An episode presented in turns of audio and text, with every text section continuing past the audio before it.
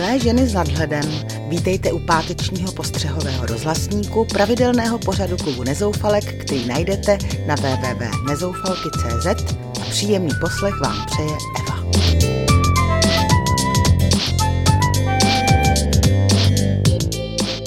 Nevím, proč si mám na spravodajském portále číst o sexu, nevím, čím jsme vytočili jakousi protivnou blondýnu a nevím, proč je módní posmívat se seniorům.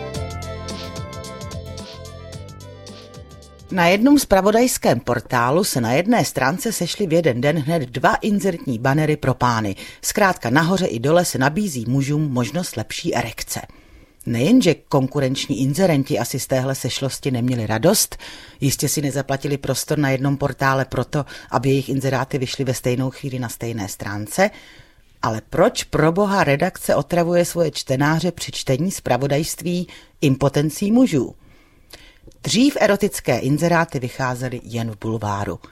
Než už se ani renomovaná spravodajská média nečervenají, že touto tématikou zaplemenují svoje stránky.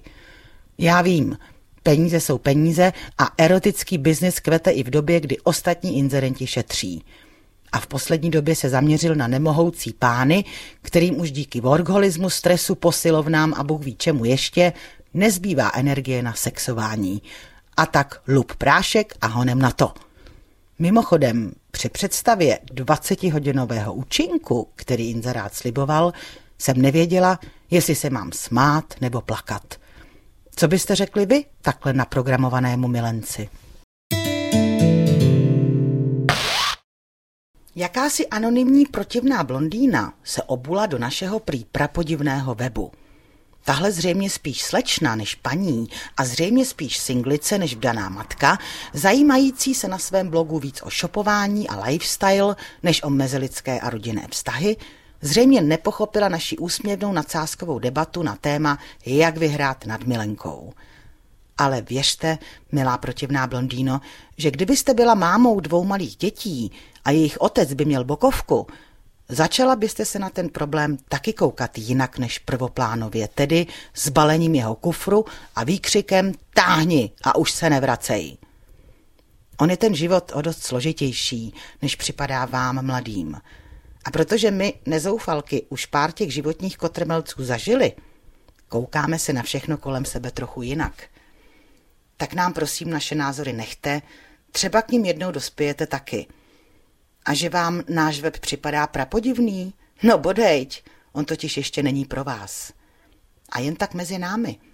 Zatímco my jdeme z kůží na trh, včetně svých men a tváří, vy se skrýváte pod pseudonymem a avatarskou fotkou. Co je víc fér, co myslíte? Rozhodně nefér byl bulvární článek o důchodcích, kteří pod heslem Urvi, co můžeš, vykoupili v plzeňském hypermarketu máslo za 15,90.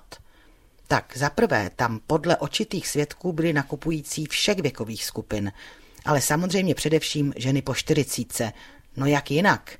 Mladí chodí do fast foodu a na nějaké levnější máslo kašlou, protože si ho tak maximálně namažou na chleba.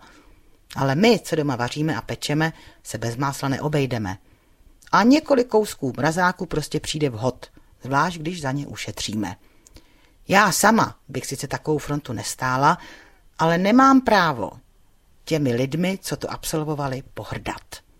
A posmívat se seniorům, kteří z toho másla třeba upečou dobroty, kterými pak hostí svoje vnoučata, kterým se z těch dobrot dělají boule za ušima, mi opravdu připadá ubohé. Proč se autoři podobných článků neposmívají mladým, kteří dělají stejně dramatické nálety na zlevněnou značkovou módu? Je to přece to tež. A když bych to měla srovnat, mám spíš pochopení pro urputné boje o levnější máslo, než o módní hadříky.